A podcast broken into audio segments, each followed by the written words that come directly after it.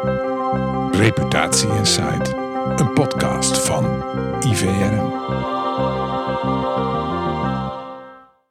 Welkom bij weer een nieuwe aflevering van Reputatie Insight met vandaag een sportcast. Frank van der Walbaken, vaste gast. Uh, vandaag valt in voor Ab uh, Maarten Halsema, want die heeft ook weer zijn mening over dingen. Dus dat leek mij wel een aardige uh, vandaag. welkom heren. We gaan het eerst hebben over gokken. Ehm, voor deze week veel over te doen. In 2025 is het uh, klaar met gokreclame op uh, shirts. De 18 voetbalclubs in Nederland hebben daar heel veel last van. Op zich niet een heel nieuw onderwerp, maar wat vinden jullie er eigenlijk van? Frank? Ja, het is, het, is, het is een moeilijk onderwerp. Want we hebben als grootste sponsor in Nederland is de Nederlandse Loterij. die, die doneren, tussen aanhalingstekens, elk jaar minimaal 50 miljoen aan de Nederlandse sport. Eh, het is een bedrag waar de Nederlandse sport absoluut niet buiten kan. Uh, dat levert medailles op, dat levert een trots gevoel op in Nederland. Dus uh, Nederland sportland doet het goed, is bij de top 10 landen in de wereld. Als je het hebt over prestaties op de podia. Um, aan de andere kant vind ik wel dat, dat ja, het bevordert, het is nu intussen ook bewezen door de bedragen die door allerlei onderzoeken op tafel zijn gekomen, dat het bevordert het gokken. En dat, is, dat leidt tot een soort verslaving waar we natuurlijk geen van allen op zitten te wachten. Dus ik zit daar zelf ook best wel in dubio. Enerzijds uh, levert het sport geld op en elk geld dat naar de sport gaat, daar ben ik een voorstander van. Want dat bevordert bewegen, bevordert ja, inclusiviteit, dat bevordert allerlei positieve aspecten van de sport. Dus daar, maar aan de andere kant ben ik wel ook een voorstander van dat je ergens paal en perk aan moet stellen als het leidt tot een verslechtering van onze samenleving. Ja. We hebben er opeens uh, eh, 450.000 nieuwe gokkers ja, bij gekregen. NRC, ja. met een, die gemiddeld een verlies maken van 310 euro per maand. Ja, dat, dat is toch een kwalijke, dat zijn kwalijke cijfers. Nou, dat is een ver, verontrustende cijfers. Zeker in het huidige, waar iedereen een probleem heeft met koopkrachtontwikkelingen enzovoort. Maar hoe zien we dat? Want um, um, nu zijn er dus straks ineens 18 niet zichtbare reclame, heet het dan geloof ik. Nee, wat is het ook weer? Ongerichte reclame? Ongerichte, reclame. Ongerichte reclame. Nu zijn er dus straks ineens 18 clubs in Nederland, inclusief uh, allerlei, nou, de hele geldstroom, die is weg. Hoe gaan we dat dan oplossen? Ja, het mag kennelijk dus niet meer zichtbaar zijn. Uh, niet op de shirts, niet in de reclameborden langs de velden. Dat is ook zo inconsequent, want ik zou het eigenlijk het liefst zien dat het een Europese maatregel zou zijn. Dat het overal op alle voetbalvelden, of alle sportvelden moet ik zeggen, in Europa hetzelfde zou zijn. Maar de Engelsen hebben nu weer iets heel geks bedacht. Die hebben gezegd dat mag niet op de voorkant of de achterkant van het shirt. Het mag wel op de mouw van het shirt. Nou, dat vind ik een inconsequent Ja, dat is bullshit natuurlijk. Ja, dat is natuurlijk je reinste onzin. Dus en dat vind ik weer jammer, want uh, dan krijg je natuurlijk allerlei stemmen die zeggen... ja, waarom mag het in Engeland wel en in Nederland niet? Um, ja, eh, je verbiedt het of drastisch en of heel duidelijk... waardoor iedereen er het herkenbaar is. Aan de andere kant... Uh, en ik, daar wil jij straks ongetwijfeld ook nog over praten, Stef. Is er ook een situatie denkbaar dat de gokindustrie zelf, hè, net zoals de alcoholindustrie dat heeft gedaan, zelf met maatregelen komt, waardoor je overheidsmaatregelen voorkomt. Ja, dat zou ik het mooiste. Een soort zelfregulering. Uh, reputatieadviseur, Maarten?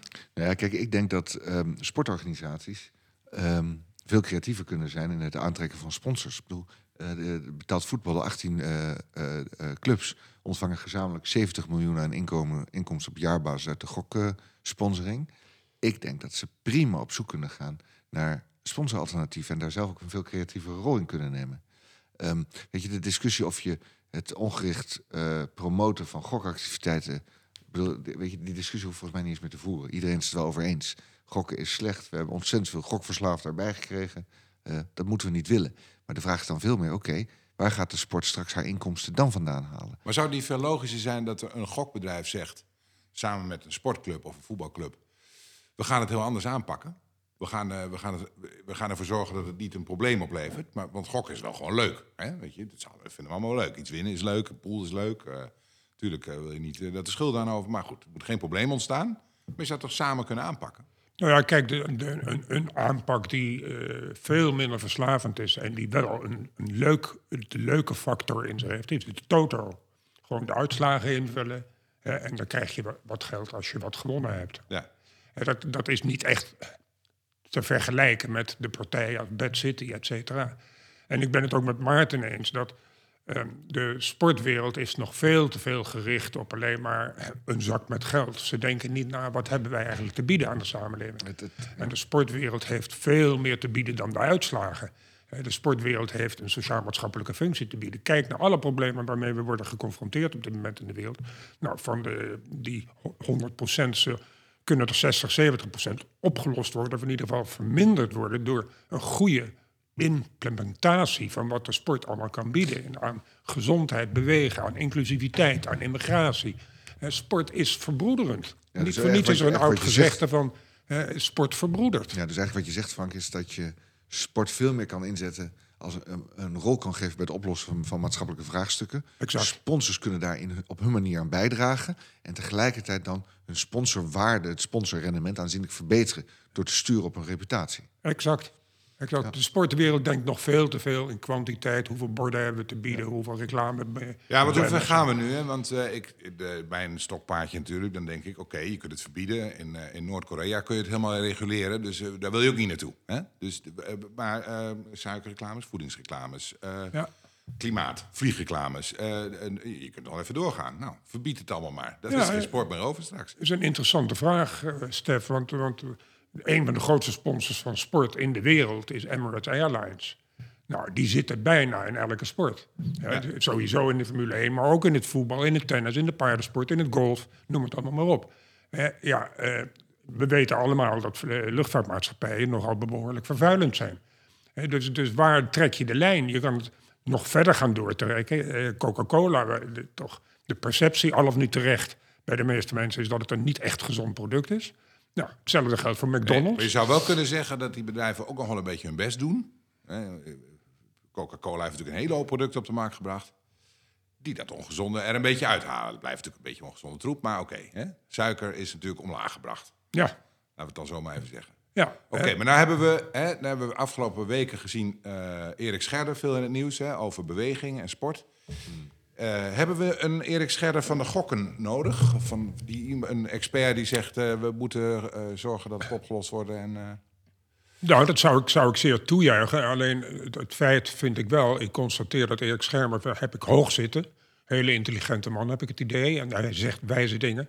Maar hij zegt dingen die niet de grootste gemene delen van de bevolking raken. Hij zit te hoog te paard, te sophisticated. En de, de, de, eh, Jan met de pet, met alle respect, eh, die in, in, in Meppel woont, die begrijpt dat niet en die luistert daar niet naar.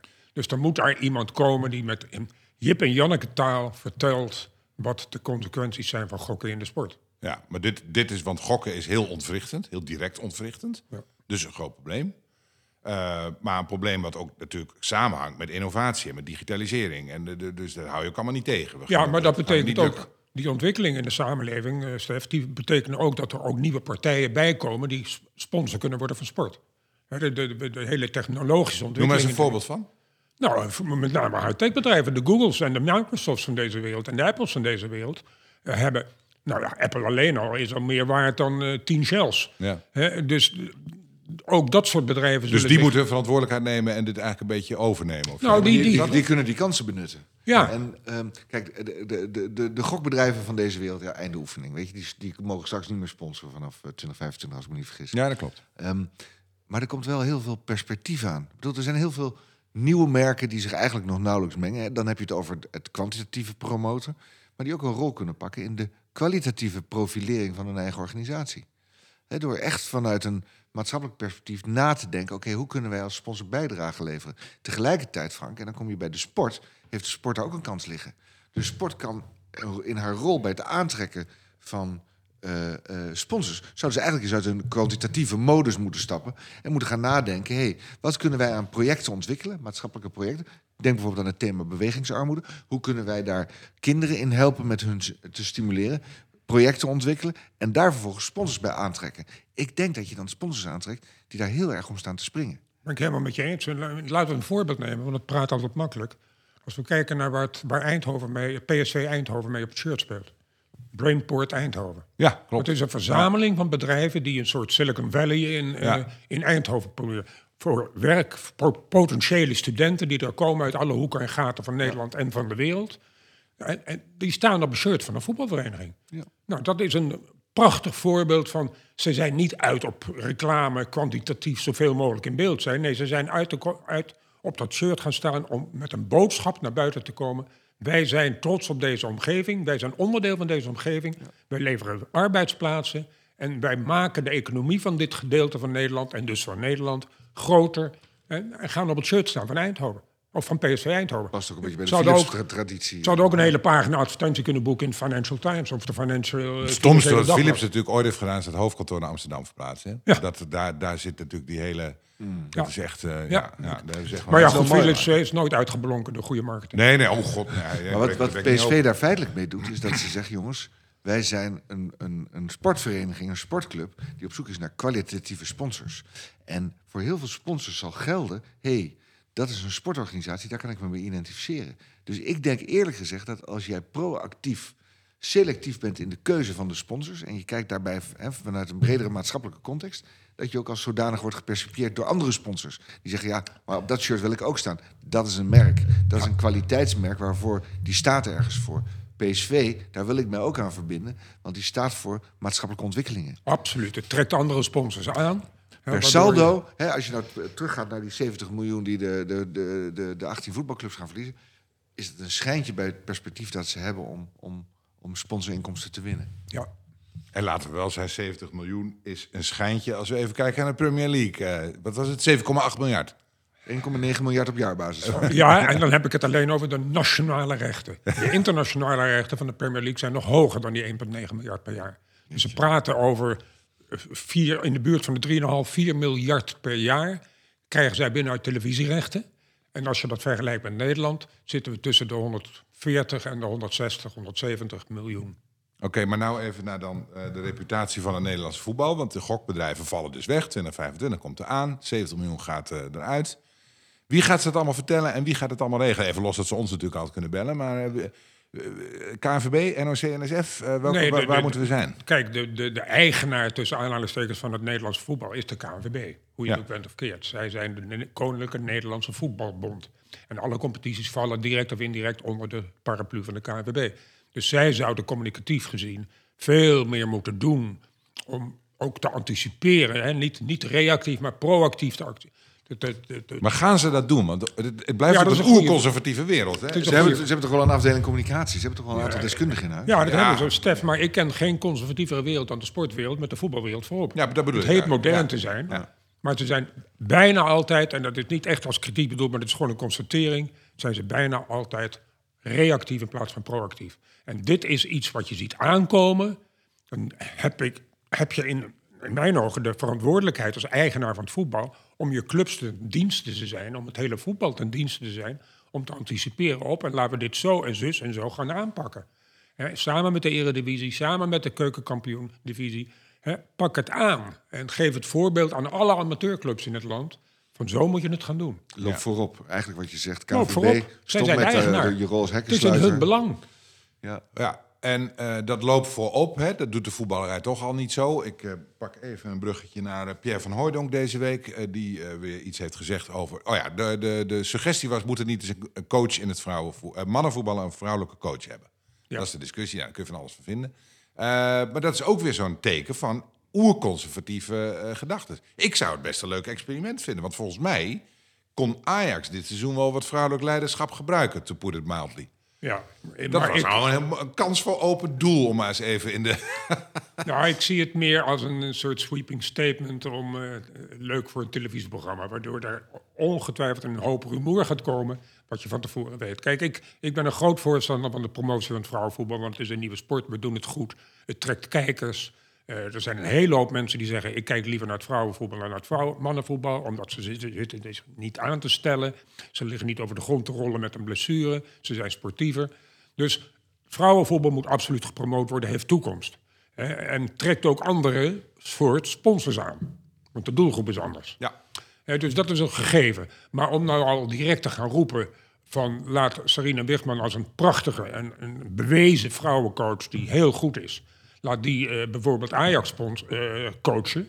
Eh, ja, zover ben ik nog Nee, niet. ook dat zal waarom- niet worden, waarom zal, niet, Frank? Waarom dat zal niet worden geaccepteerd. Waarom niet? Omdat een vrouw in de mannenkleedkamer rondloopt? Nou, in de eerste plaats omdat de voetbalwereld nog te veel op dit moment, as we speak, te veel een mannenwereld is. En zeker clubs als topclubs als PSV, Ajax en Feyenoord, daar zitten alleen maar mannen. En die zullen nooit van zijn leven accepteren dat er een vrouw in de kleedkamer rondloopt. En dat een vrouw die mannen gaat vertellen hoe ze moeten voetballen. Terwijl toch, als we allemaal met z'n allen hier zoals we zitten eerlijk zijn, het mannenvoetbal is verder dan het vrouwenvoetbal. Speelt een ander soort spelletje. En je kunt niet van een vrouwencoach die zichzelf bewezen heeft en die heel goed is, onmiddellijk verwachten dat ze dat mannenspelletje 100% begrijpt.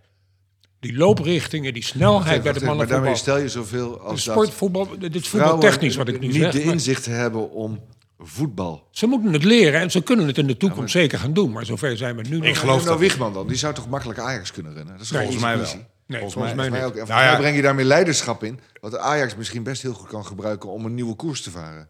Nou, maar laten we Nee, wel met Maurice Stijn ging het lekker. Nee, maar laten we wel zijn. Ajax had de afgelopen jaar Peter Bos kunnen pakken. Zie hoe Peter Bos het nu doet bij PSV. Als Ajax Peter Bos weer had gevangen, zou Ja, nee, maar dat is het onderwerp niet. Nee, maar goed. Nee, maar dat is dus om te zeggen dat... eh, niet. Doet dat pijn genoeg, Frank? Eh, ja, nee, ga door, ga door. Bij mij ook ontzettend veel pijn, want ik ben een Ajax-fan. Maar eh, eh, ik denk echt dat in de toekomst het, het zeker zal gebeuren, maar dat heeft tijd nodig. Maar is het dan niet zo, even ook Maarten, zeg daar nog eens wat over.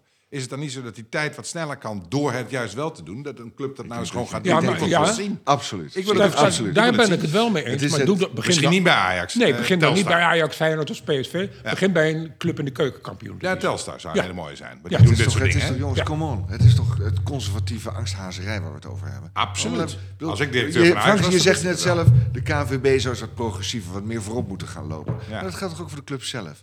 Kom op. En scheidsrechters? allemaal- Waarom geen scheidsrechters dan? Want die zie ik ook. Het gebeurt wel. Ja, eens genoeg. gebeurt vrouw, ook. Ja, maar, maar ja, ja. Nou, daar zijn ze ook Ik heb het wel eens gezien. stappen aan het Ja. zetten. Oké, dat vind ik goed. dus. Doe het nou, dat is een goede voorzichtig. stap. Oké, genoeg over dit Maar onderwerp. laten we nou nog één ding, laten we het opportunisme in het voetbal niet vergeten. Als jij, Maarten, zegt dat een vrouwencoach zou kunnen, bij, ook bij een topclub, vergis je niet wat er dan gebeurt als er drie wedstrijden worden verloren.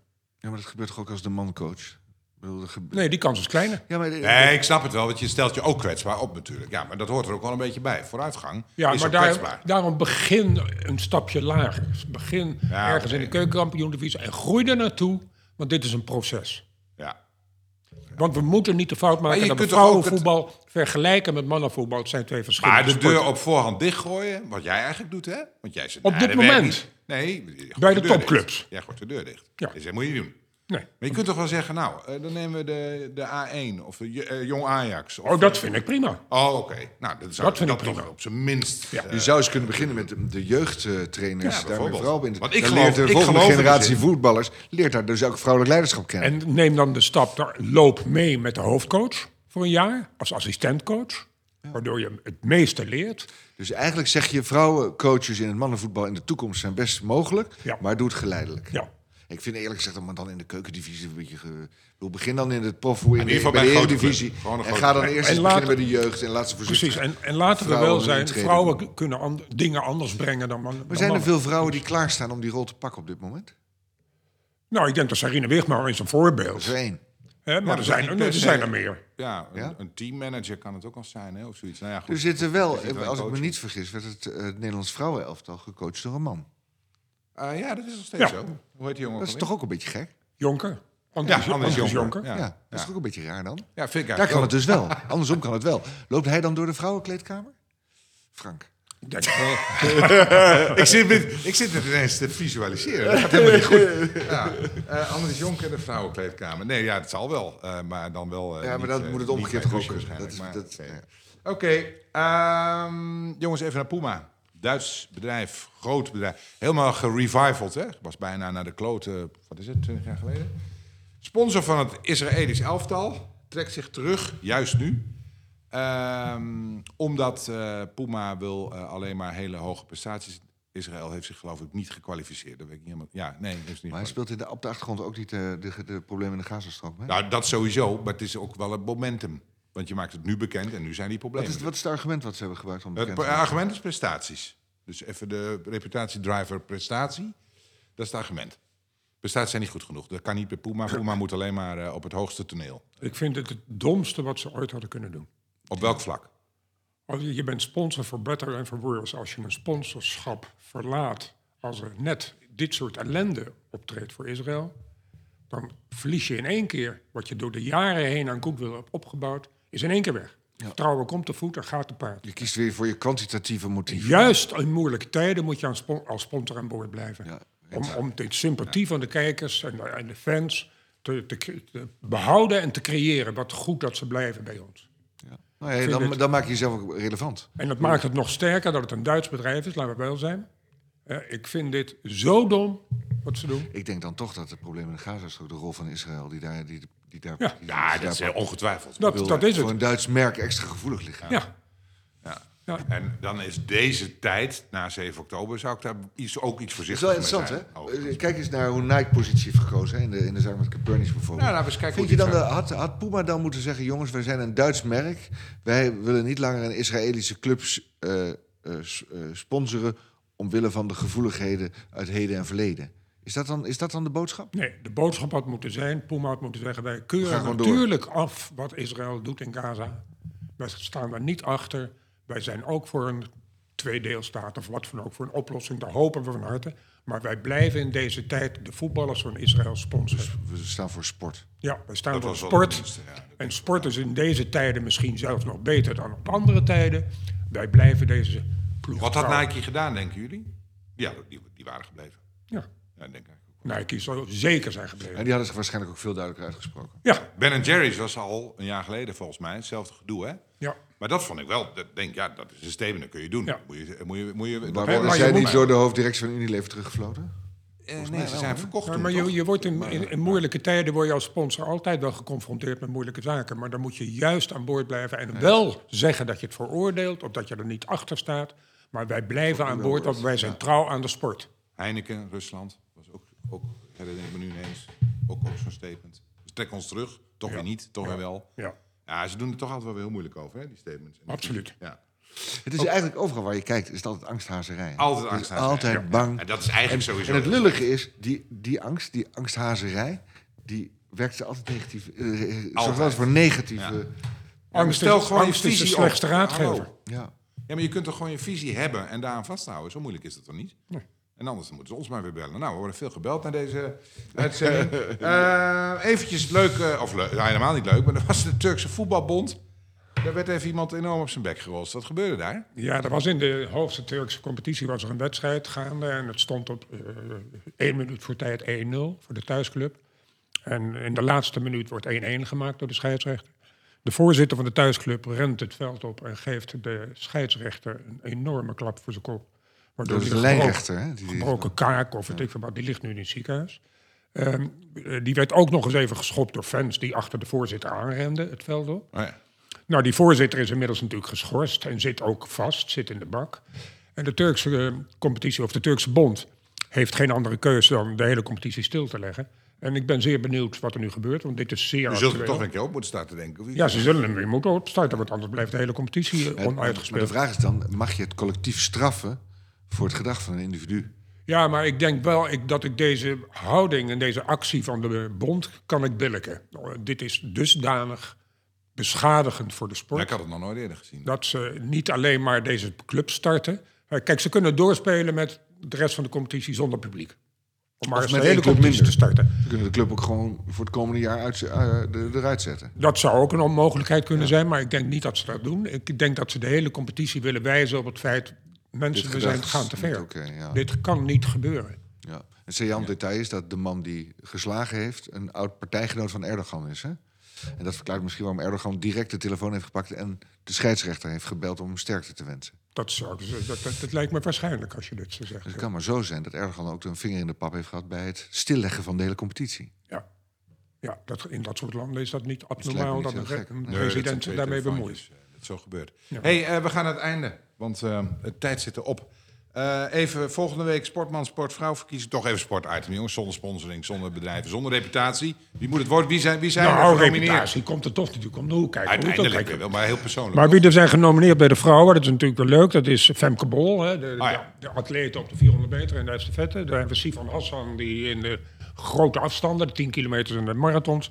En Caroline Verlerijn, de dochter van, de voormalige Mexico- Mexico-winnaar.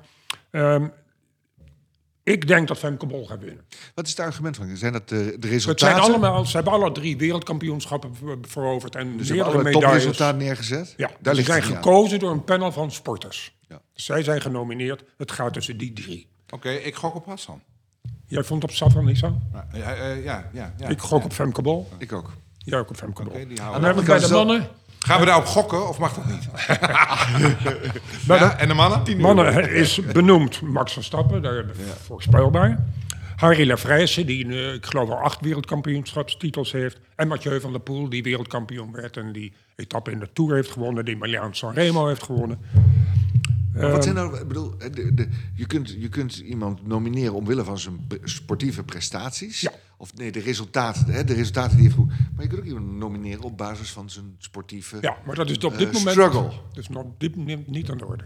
Oké. Komt nog wel. Bas van der Goor is de voorzitter van die com- eh, co- commissie die de nominaties aanwijst.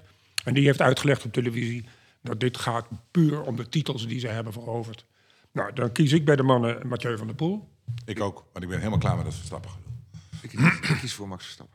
Ja? Nou, De, de, de, de nu weet ik het wel. ik De begrijp, focus op rijden, ik vind het een, een, een, een Ja, absoluut... nee, zeker. natuurlijk. Maarten, ik begrijp dat, want, want. Maar heeft in, hij vorig jaar deze, niet al gewonnen? is, in deze is het wel een enorme prestatie van Max. Maar de, de, dit wordt gekozen door de sporters zelf. Ja, maar heeft Max ik- vorig jaar die titel niet Ja. veroverd? Ja, nou, dat is toch wel een keer... Ja, Maar- Van maar Poel hem ook een keer winnen van Ja, ik Maar ik denk Ja, dat de sporters zelf toch iets meer afstand hebben tot dat Formule 1 dan tot de atletiek. Of tot, eh, Ja. tot eh, vind de dat- echte fysieke sporten. Eh, Terwijl de prestatie van Max staat buiten Dan discussie. zeg je zoveel als dat eigenlijk Formule 1 en ook paardrijden niet echte sporten zijn. Nou, minder dan een atlete. Nou. maar goed, dan krijgen we de, de ploegen eh, van het jaar. Dan hebben we de estafetteploeg van Femke Bol, 400 meter, die goud won met wereldkampioenschap. We hebben de waterpolenploeg van de vrouwen, die wereldkampioen werden. En we hebben de Jumbo-Visma-ploeg. En dat is een interessante. Eh, Want ja. ik zeg, ik zou geneigd zijn te kiezen voor de Jumbo-Visma-ploeg... omdat het, ze hebben alles gewonnen dit jaar. Alle grote rondes. Maar het is een ploeg, een Nederlands geregistreerde ploeg... met alleen maar buitenlanders. Of alleen maar hoofdzakelijk buitenlanders. En die hebben de prestaties neergezet. Dus dan zeg ik toch... geen Nederlandse prijs. Eigenlijk zou dus niet genomineerd mogen worden als we een Nederlandse Eigenlijk vind ik dat ook. Ben ik wel een beetje eens eigenlijk. Ja, er zit wel wat in, ja. En wie waren nou die anderen? De Oh, waterpolenploeg en de dat- estafetteploeg dames. Ja, Ik ik ga voor de mij estafette. natuurlijk. Ja, die, Ja, daar ben ik ook toe geneigd. Maar omdat Femke Bol al bij de vrouwen wint... Ja, zou het zomaar kunnen Oké, dat dus jij- waterpolenploeg... Nou, helder. Daar zetten we dan eh, wat euro's op. Dan hebben we de Dus coach, en dat vind Oh, daar komt er nog één. Heb je Ja, nog ja. meer, Frank? Daar hebben we de coach, Jongen. en dat vind ik ook een interessante. Want daar is benoemd Miren Zijman, dat is een Nederlander... die de Jumbo-Visma-ploeg coacht. Dan hebben we Evangelos Doudesis van de waterpolenploeg. Ja. Dan hebben we Eelco Meenhorst van het roeien. Oh. En dan hebben we Laurent Newley van de atletiek. Dat is een hele moeilijke, want alle vier die coaches hebben fantastisch werk gewerkt. En dat Ja, vind dat ik een hele moeilijke. Dat heb ik niet goed genoeg voor. Ik kies voor Peter Bos. oh, die zat er niet bij. Nee, Ja, volgend jaar dan. PSV-fan? ik kies voor Marijn Zeeman van de Jumbo-Visma-ploeg. ik ook. Ik denk dat ik dat ook wel vind. En vind Ja, maar dat Visma- denk ik ook wel. De Visma-ploeg heeft ook wel iets verdiend, toch? Kom on. Ja, vind ik ook. Ja. Nou, tenslotte hebben we eh, de gehandicapte sportster van het jaar. Dat is in mijn ogen, dat staat vast, Diede de Groot, de tennister. Die alle, alles wint wat er te winnen valt. Erger dat we dat dan niet volgen. Ja, ja goed. Ja, nee, ja. En bij de ploegen van de, eh, bij- ook bij de mannen eh, gehandicapte sport kies ik voor Rogier Dorsman. Die is zes keer bij medaillewinnaars, twee keer goud in het zwemmen gewonnen. En bij de rolstoel, of bij de team, teamploegen bij de gehandicapte sport, kies ik voor de rolstoelbasketbalsters. Die EK en WK goud hebben gewonnen. Mooi, dat is een mooie prestatie. Gehandicapte sport zou je wel heel goed eh, over het voetlicht kunnen krijgen. Maar daar moeten we werk van maken. Weet je wat, ook wel een opdracht voor ons misschien Stef, wel, hè? wat een van mijn bucketlist dingen zijn die Ja, mijn hele leven erop staan en die niet zijn worden ingevuld. En dat gebeurt hopelijk, of eh, hopelijk, dat gebeurt waarschijnlijk ook niet meer. Ik heb altijd gezegd, de Paralympics moeten niet na de Olympische Spelen plaatsvinden, maar voor de Olympische Ja, daar ben ik het ook mee eens. Spelen. Nu is het gezien als voor, mosterd Ja. na de maaltijd. Net als vrouwen op tour vroeger. Ja, ja, ja, zo krijg je het voor elkaar. Zo krijg je dingen voor elkaar, Frank. Door dingen eh, nieuw te doen, progressief te denken, vooruitdenken. Intussen hebben wij met drie mannen het vrouwenprobleem in de voetbal weer besproken. De volgende keer zit hier echt weer een vrouw. Ik had het ook willen doen, maar uh, nee, die moet even nog wachten. Die komt uh, in uh, januari. heren, dank u wel.